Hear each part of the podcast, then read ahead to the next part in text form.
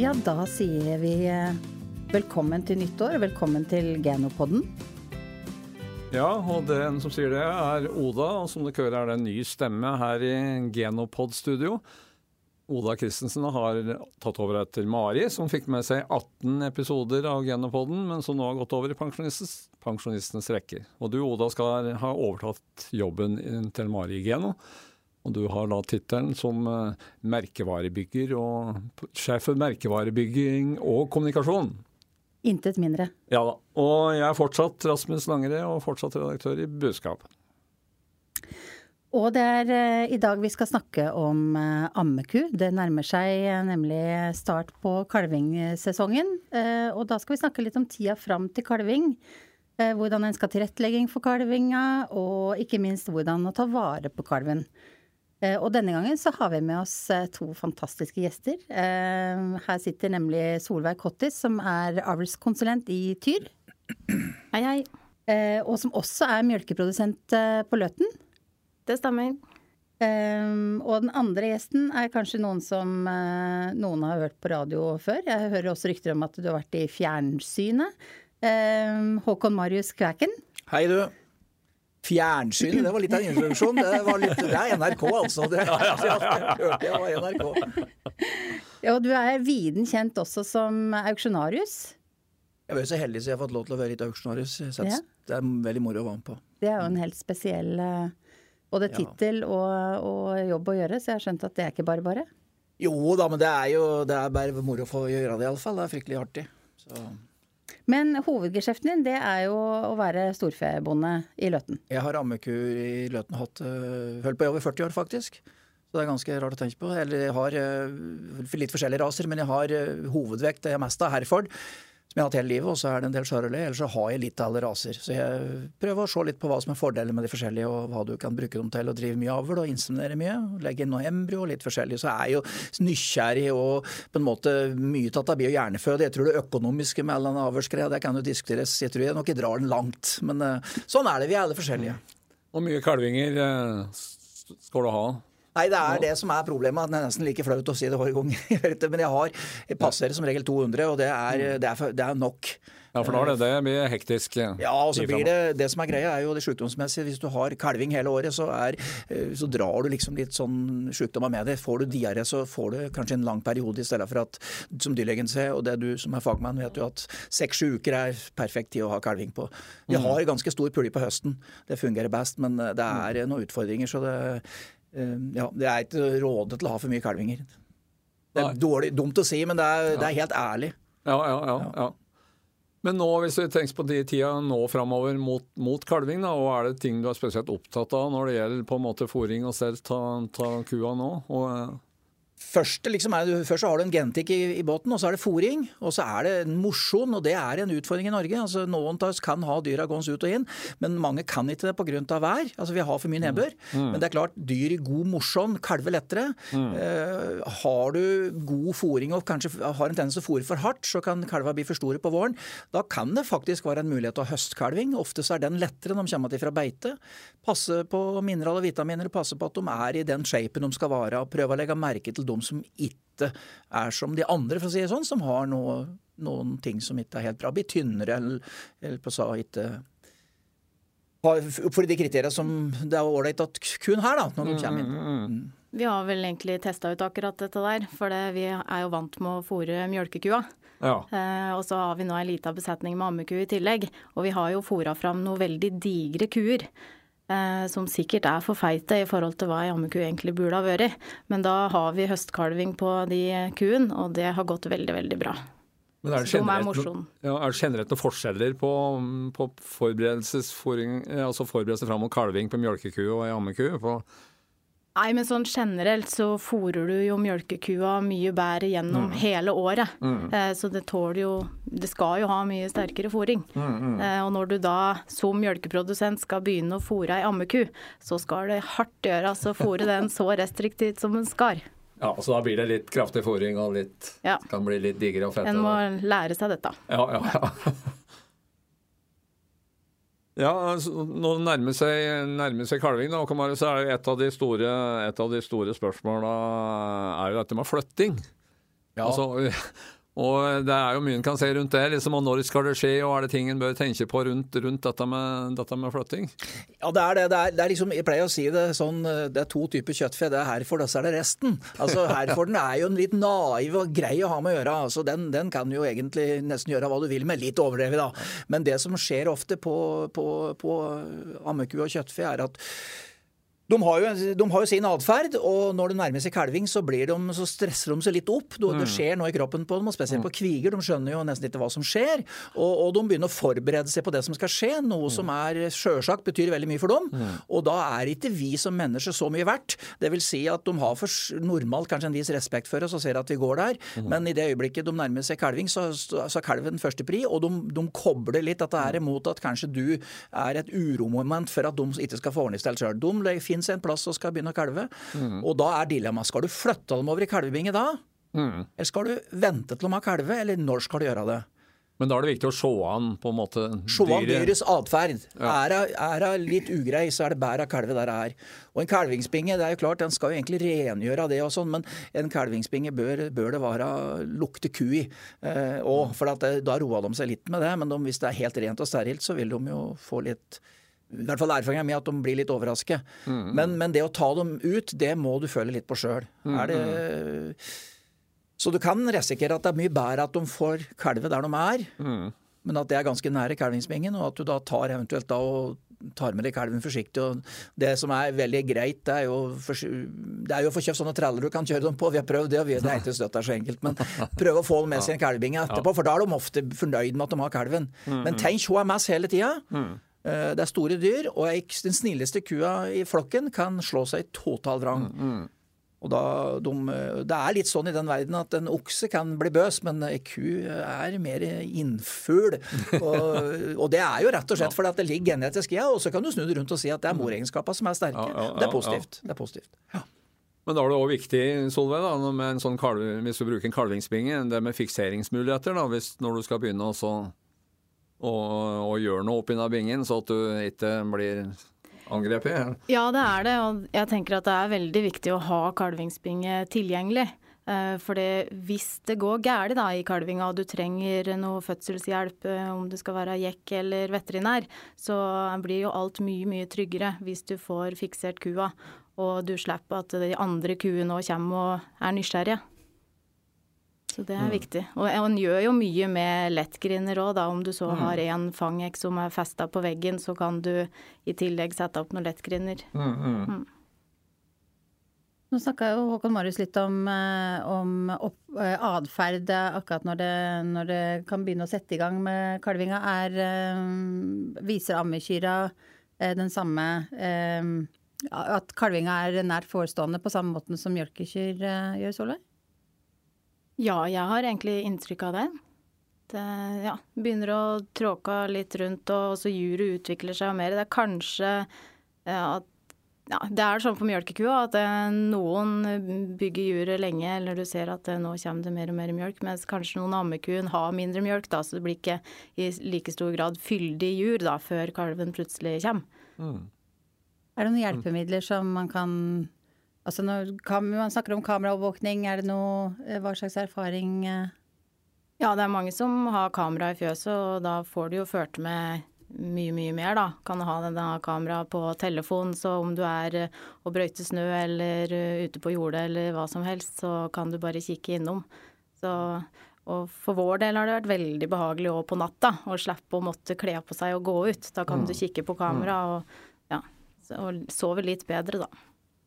Men da, Marius, når det har begynt å komme i gang, og de begynner å trykke på, så er jo neste spørsmål er hvor lenge skal de liksom få drive på før, du, før det er aktuelt på en måte også foreta seg noe? Har du noe Nei, det er erfaring rundt det? Nei, det er et godt spørsmål. Først så har jeg, jeg, jeg har jo etter en del år da, så har jeg vært paranoid bl.a. på Vassbåsen. Når Vassbåsen kommer, så hender det at de gjør noe som kanskje ikke er riktig, men jeg hender ikke hørt på noe. Det er fordi at hvis jeg skal gjøre noe annet Jeg har opplevd å funnet dem i Vassbåsen, og det er, det er nulltoleranse. Det er så fælt å oppleve, for da har du liksom skylda sjøl. Men normalt går det bra. Du ser at Vassbåsen kommer, du ser i bena, og, og, så da vil jeg si at du da har en time hvor du da kanskje vurderer litt, og da bør jo det skje noe med bena. at de begynner å glappe ut og alt mm. dette der. Og skjer det ingenting, så er det, er det ja, Da mener jeg du da skal du begynne å sjekke litt. Ja, for da kinnet etter. Da går da kinnet etter, og det, det er, For mange er det en liten terskel. Det er det jeg hører ja. at nei, vi har liksom ikke kjent, men det, det er ålreit å lære seg til. Og så bare forsiktig kjenne inni. Kjenne at kløven er riktig i veggen. Ja. Er det bakkløv, så stikker du som regel oppover. Ja, uh, og, og, og, kjenne nasa og at det er normalt. Mm. Men, eh, men, det å vente før Men når du kommer Vassbåsen har gått, og det, så, så, etter en time så skal det skje noe. Mm, mm. Men så er det noen som er urolig, og da kan du oppleve det at du putter inn kalvingsbinge, så går det lengre tid. Ja, ja, ja. For da girer de seg opp litt. Men som sagt, det er kalvingsving er som er solvese. Det er som skjer det noe, så det å få fiksert dem, det, det må du hele tida ta, ta mm. høyde for. Mm. Men at de da så, så, egentlig det mest ideelle er at de selvfølgelig er i, er i, egen binge. Men er de ugreie? Det er det som er litt av poenget. De få som er det, så kan det være greit at, de, at du tester litt. Om det går greit. Men det er viktig å ha litt is i magen nå, ikke begynne, liksom begynne å dra og herje for tidlig, som også kan ødelegge mer enn og så er dette der å bli utlært på ting nå, det er litt rart, men jeg, jeg opplevde faktisk uh, i går kveld en fødsel som jeg aldri har opplevd før. Det er at Ei ku som da du ser det er helt eh, der som skal være klokka 11 i går kveld, og så er hun da rett og slett uh, kinnet inni. Og da kinner ingenting først, og så nedi der så ligger det altså fire ben. To bakben ja. og to framben og et hue. Ja. Og det var første som slo meg, var tvillinger. Mm. Det viser det var en kalv som lå dobbelt. Ja. Og den kommersen må få frem, for når jeg drog i frambena, så, så ble på en måte bakbena med opp. Ja. Det, var, det, var, fryktelig ubehagelig. Skjelven var død, dessverre. Ja. Ja. Men, men det, det, var det, akkurat den formen har jeg aldri hatt, for det viser bare at du blir jo aldri utlært. Nei, nei. Altså, Du kan godt sitte og mene mye om alt det er, men du, du opplever hele tida nytt. Og det er det som egentlig plager meg mest. At eh, etter i hvert fall for min del så mange år, så skulle jeg overhodet ikke være usikker på noe slikt. Men jeg er, er, usikker og tenker hva gjør jeg nå? Og så er selvfølgelig problemet når du drar i dyr. og de ligger litt feil, så er det én ting som er viktig. Det er bl.a. at du kan dra høl i børen. Mm, mm. Det er det skumle. Du opplever altså at du, du må bruke krefter. Si at du får en, en setefødsel, eh, og, og klarer da å få lurt fram hasen og få bena fram, så er det viktigste faktisk Det er ikke bare å bruke grå muskelkraft, som mange menn gjør. Nei, det, nei. Ofte er damer flinkere til det, for de må, de må bruke kløkt. Ja. Og, og, det er å være forsiktig, ja. så ikke du drar verken kløven eller mm. øverste del av hasen igjennom. Ja gjennom da, børn, da er det gjort. Da er, det gjort, da er kua hun kan taste kalven, men dagen etter så et hun dårligere, og så er det jo døra. Mm.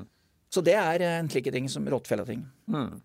Men Solveig, kan du si noe rundt uh, hvordan dere i Tyr uh, jobber sånn avlsmessig, også rundt det med kalvingsvansker? Er uh, bør en ta noe hensyn til valg av okse? Ja, absolutt.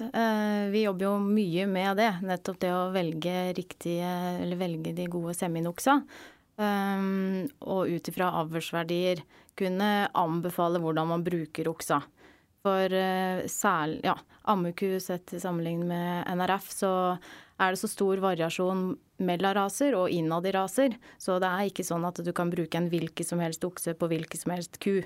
Og særlig kvigen. Hvis du bruker en okse som eh, har eh, lav avlsverdi for fødselsindeks, så kan du da risikere en vanskeligere kalving fordi at eh, kalven er, sto er stor, da. Det, nå er jo Vi endra på fødselsindeksen i SAMAR, eller det som heter fødselsforløp. Og ligger den på 100 nå, så er det en gjennomsnittlig Det er den helt på gjennomsnittet med populasjonen på en kalving på kvige.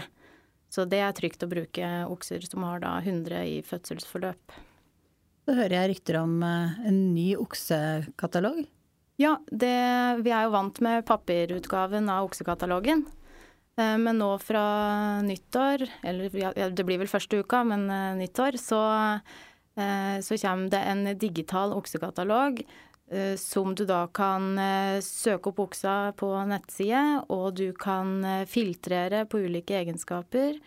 Um, og du kan òg lage din egen oksekatalog med at du velger favoritter. Og da kan du velge å ha den på nett, og da vil du få oppdaterte avlsverdier når de kommer annenhver måned. Eller du kan velge å skrive den ut og ha med deg i fjøset.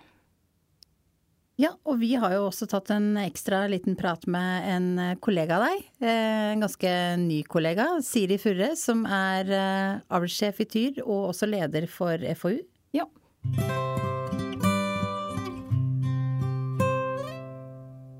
Da kan vi si velkommen til Siri Furre.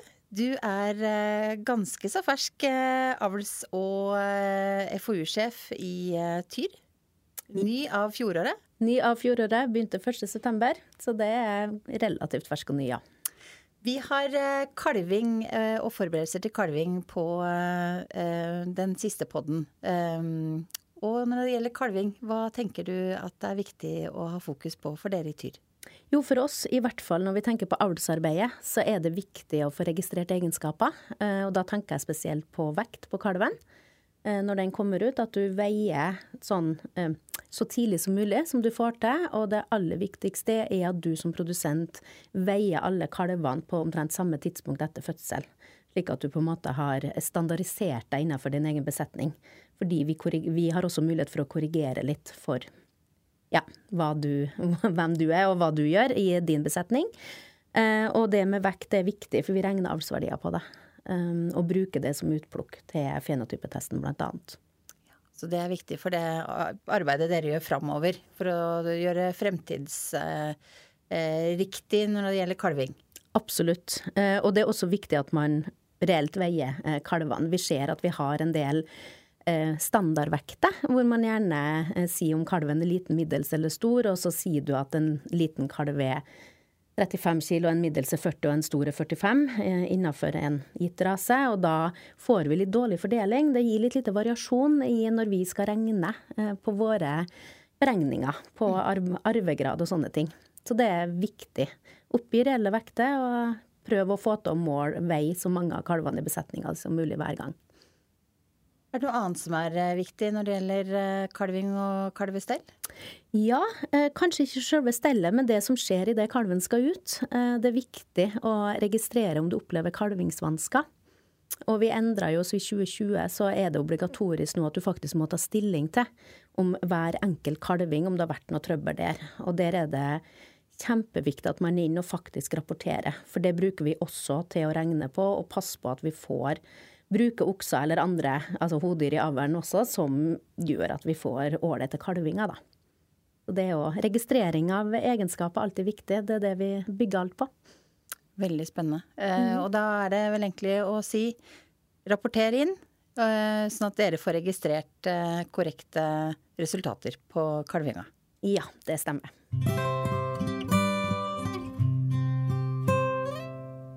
Ja, da har vi hørt litt om betydningen av, eh, av veging. Men eh, Håkon Marius, da, for å høre litt mer om når kalven da har, har kommet ut, da, før, det, før du veger den, så liksom, hva, er du, hva er du mest opptatt av når det gjelder dette med å, å sjekke at kalven får i seg nok råmjølk? For det er jo veldig grunnleggende. Det er veldig grunnleggende. og er, Der har du òg liksom med fødselsforløpet. altså det er Åssen har kalven har resatt kalven? Var det på? Det er en kolossal belastning å bli født. Mm. Nå husyter vi det, noen av oss her. Men, men, når du ser det, og det er klart at en, en kalv som har hatt en litt sånn tung start, han trenger hatt noe drahjelp med noe råmjølk og slikt. Men første bud er når de er ute, det er at eh, kua tar seg av og, og, det er veldig viktig for kalven nå. Det å ha kontakt med mor si. Og at den da begynner å skal opp. Og det varierer jo alltid fra åtte til minutter eller at, eh, flere timer. Mm. Uh, hvis de er raske på beina, så må du følge med på det. Se på jury på kua i det øyeblikket kalven har kommet til. Når hun står med kalven sin, da i dette tilfellet i en binge, se på spener og få, et, få et, danne et bilde av hvordan spena ser ut. Mm. Så, så slipper du å flyge og, og gjete så fælt, og så lar du kua få fred. Mm. Eh, og, og, jeg har litt erfaring når de har kalver, så ofte inn vil de skal stå opp igjen. Ja. For det hender at de rett begynner å trykke litt til hvis det har vært en litt tøff fødsel. Mm. Det er å få dem på beina og få, mm. få, vekk fokus, for da er de opptatt av kalven, og så står de, og så detter ting på plass. Ja. Eh, og så er det da at, eh, å se at kalven da eventuelt går og suger. Eh, og hvis du ikke ser det, så prøv å se på spenen. Det er ofte at eh, de håra rundt spenen de tverrer seg litt, altså de blir blaute. ikke sant? Ja, Når kalven har vært bortpå og suger, ja. bort suger, så kan du se det. Ja. Følg med på at kalven ser ålreit ut. En kalv som ikke har suget, den, den faller liksom ikke helt til ro. De, hvis de har prøvd på kua og ikke fått mjølk, så legger de seg. Men er, de er, de, du ser at det er noe med dem. De har øvd oppe, de følger med litt. De er ikke tilfredse. Kan kjenne litt på magen på kalven? Du kan kjenne på magen òg. Det er litt verre, men det går an. Det er hvis den står oppreist og så kjenner litt under om den har fått noe. Men var nøye med det. Og er du i tvil, så er det såpass dyrt at den døver. Så jeg mener da er det bedre å, å, gi en, prøve å gi den litt med flaske. Mm. Eh, hvis ikke det går, så må man gi den litt med sonde. Og ha råmjølk i fryseren. Ha en sonde. Da har du den, I Norge så har du den stive staven. Du kan få kjøpt noen som er litt mjukere, men det er, sånn det er jo i hvert fall en løsning. Mm. Det er ikke noe du helst ikke skal bruke, men du bør ha det. Og så har jeg veldig sansen for dette med dekken, og han og dekken hvis det er kaldfjøs. Og det er kaldt, for det er kulde og lite energi og lite næring som gjør at kalva døver ofte. Mm, mm, mm. Så da er det å, kan du ha på Når den er blaut, så er det ikke så gunstig, men når den har fått tørke opp den, og mora får tørken, så kan du eventuelt ha på den dekken. Ja, der, Håkon Marius, jeg mm. syns vi eh, Hjemme så har vi bare ei bøtte med kraftfôr som vi egentlig heller over kalven ja, med en gang den kommer ut. For liksom at, det, at mora skal Tørken, ja. komme i gang med sleikinga med en gang, da. Mm. Mm. Det er faktisk sett å tenke at det ikke gjør. Bruker mm. kraftfôr. Mm. Så det, er et godt tips. Det er et godt tips. Ja, og ja. hvis kua har brukt Eller hun har jo gjerne brukt litt tid, og det er ikke fôring, eller hun har ikke eti så mye i det senere, så da er det godt for hun å få en liten boost. Det er helt riktig. Ja, og så blir det en bra start, da. Ja. ja. ja. Og det er jo viktig i en binge. altså Selvfølgelig, som du sier, en tenker at for at de får tilgang på grovfôr og vann, og nok vann mm. med en gang. Mm. For det, det, går mye vann. De drikker, ja, mye, selvfølgelig. Ganske, ja. Og lunken vann. Lunken vann. Ja. Men Solveig, er det dette med råmjølkslager, er det òg like viktig i en ammekubesetning som en mjølkebesetning å ha noe på lur, i tilfelle det er bruk for det? Det er jo i hvert fall eh, et veldig godt triks å ha i ermet, da. Hvis det er en kalv som eh, virker litt slapp, og da har råmjølk tilgjengelig, og få tina opp det, det er jo gull verdt. Mm. Ja. Men er det veldig stor forskjell på fra dyr til dyr liksom på åssen de tar seg av kalven, eller er på en måte altså, morsinstinktet ganske sterke hos de fleste? på Nei, det varierer fælt. Jeg, har, jeg opplevde faktisk eh, Det er ikke mer enn et par år siden var to herfolkviger som kalvet samtidig. De lå ørte mens kalva hadde akkurat dødd tur bak. Det gjorde litt inntrykk. Og jeg drog altså kalva framover, og de reagerte helt likt. Du verden, var det dette som skjedde? Altså, det er, det, det, ja, akkurat. Så disse, den er min, ja. Eh, så det er noen slike. Og der kan du jo si litt, for å si litt eh, Der er herforden kanskje litt sånn Han har ikke riktig så sterke moregenskaper, tar sitt av elven sin, men noen ganger så Vi hadde jo en avlsokse for en del år siden som jeg solgte til en eh, som eh, den Erik Ringnes nede i Stange, og han, han ble frustrert for at han fortalte at det var ei ku som hadde brunstig da han kom. Men så hadde han satt på en ny rundball, og da så oksen først på kua som var kav brunstig som alle rei på. Og så så han på rundballen, og så så han på kua en gang til, og så gikk han bort og så åt en rundball først. Det er typisk Herford. Det gjør ikke Charlie og ikke Abel Angus. Så det er eh, Nei, og så, er det som, ja, nei, så det, det Solveig sier med ha på kraftfôr, du finner dine egne måter. Jeg har inntrykk av at flere, flere, gjør det. Også mm. det som passer for deg. Det er ingen oppskrift eh, annet til at passer på at du må ha mat. Det er i hvert fall eneste som er riktig. Og, og, og, men da med annen mat enn mjølk, altså som de, som de skaffet seg sjøl, liksom det med, med, noe kraftfôr og noe grovfôr. Og, og Solveig, og tidlig skal han begynne med Skal han begynne med det helt fra starten? På? Ja, det er bare bra at de har tilgang til det. Eh, så å ha et kalvehjemme der kalva kan gå inn og få kraftfôr og friskt eh, grovfôr, mm. det er eh, kjempenyttig. Men det vil, ja, det vil ikke regne, kan ikke regne med at de et så mye første Nei, og så altså, har du jo gjerne litt uh, forskjell i aldersspenn, da, og da lærer de jo fort av hverandre òg. Så det er jo mm. fint med å bare ha det der fra starten av. Mm. Uh, og de vil jo ikke ha, ete noen mengder i starten. Men uh, det sies jo at det stimulerer jo veldig til vomutviklinga òg, og det å mm. kunne ta opp mer grovfòr seinere òg, da. At du mm. kommer i gang tidlig. Mm. Og da er vann òg viktig. Mm, ja, for vann kan det fort bli en sånn litt glemt faktor, men det, det er jo utrolig viktig med nok at du får i seg nok væske. Da. Du tror det har tilgang på vann, at kalven har, har, det, og ikke bare et sånt lite kar som på en måte han må ha sånn får supetiss i ordentlig. Mm, mm. Og så er det det som med grovfòropptak, som Solveig sier, er jo veldig viktig. og Nå ser vi det. Når vi følger med litt det som skjer i Nord-Amerika, så har det fra nå fòrresepter med, med, mais og kønn i alle retninger som de har fòret knallhardt uh, ammekua si på, så har det nå gått over til grovfòr der òg. Ja. De sier jo da at framtida i ammekuproduksjon er rett og slett det samme som vi har fokusert på i Norge lang tid nå. Mm. At vi, det er grovfòrbasert. Det er fòropptak av grovfòr som er hele clouet. Og det forsk, brukes det jo tid på på staur. Så der er vi faktisk foran. Mm. Uh, og at det ammekua skal produsere skal menneskemat og proteiner på ting som vi mennesker ikke kan ete direkte. Det tror jeg er dens plass, hvis det skal ha noe plass i det hele tatt. Det diskuteres jo det òg, men det er, jeg tror nok det er Og det er litt artig å se borti der, at de var veldig opptatt av grovfòr. At, at, de hadde stor mage, og det ser du sikkert godt på staur og okser som et mer grovfòr. Det har vel blitt målt at enkelte okser har et mm. grovfòropptak som tilsvarer ca. et par tusen kroner mer effektivt enn andre, er det ikke det? 1500-2000 kroner? Jo, det kan være oppi den forskjellen, altså. Så det er stor forskjell. Stor forskjell, og Det mm. tror du da allerede på kalvegjømet. Mm. At, at, de kommer i gang med grovfôr. godt grovfôr er vel så viktig som kraftfôr. Så men det er interessante signaler det, egentlig. da, For vi har jo litt oppfatning av at det som kjøttproduksjonen over, over, der på en måte er veldig basert på intensiv ja, det, intensiv fòring. De har, ikke råd, ikke råd lenger. Nei, nei. Slett, det er for dyrt. Og da bør jo i hvert fall ikke vi Vi bør i hvert fall ikke prioritere det noe mindre. Nei, jeg tror vi har alle forutsetninger til å Og dyra har da blitt genetisk De avler dem litt deretter. Og, og, som sagt, han ene vi prater med borti der nå, han sier jo at eh, han viste da at det med, med volum på vomma, at mm. de var opptatt av veldig opptatt av det. Så det var, det var litt sånn musikk da i mm. øret. Så det at vi er så heldige å ha, ha fokus på det i Norge, har hatt det noen år, det tror jeg er positivt for Amekua. Mm. Sjøl om vi Det er jo Ja. Noen helseproblemer på kalven de første, hvis du tar liksom de første par ukene? Sånn, følg med på diaré. Følg med på magen. Ja. Det er jo diaretyper, og det er diaretyper som er milde og lighte, at de bare får litt mye mjølk. Og så er det diaretyper som er da sjølsagt eh, som er, er sykdomsmessig. Mm. Og, det er noe svineri. Det er fælt å si, det er jo det. Du har jo faktisk eh, rota vekk korona. ja, ja Du har det. Så det, det påstår det, dyrlegen, at det er vi som har gått i kalvemøkk hele livet, vi, ja. vi behøver ikke vaksinere oss, da, men Noen fordeler skal du ha. Noen fordeler skal du ha. Gjør begge deler, tenker jeg. ja. Solveig, du nevnte òg når vi pratet sammen litt på forhånd, at det med å ha et termometer i kjeledressen eh, kan være lurt?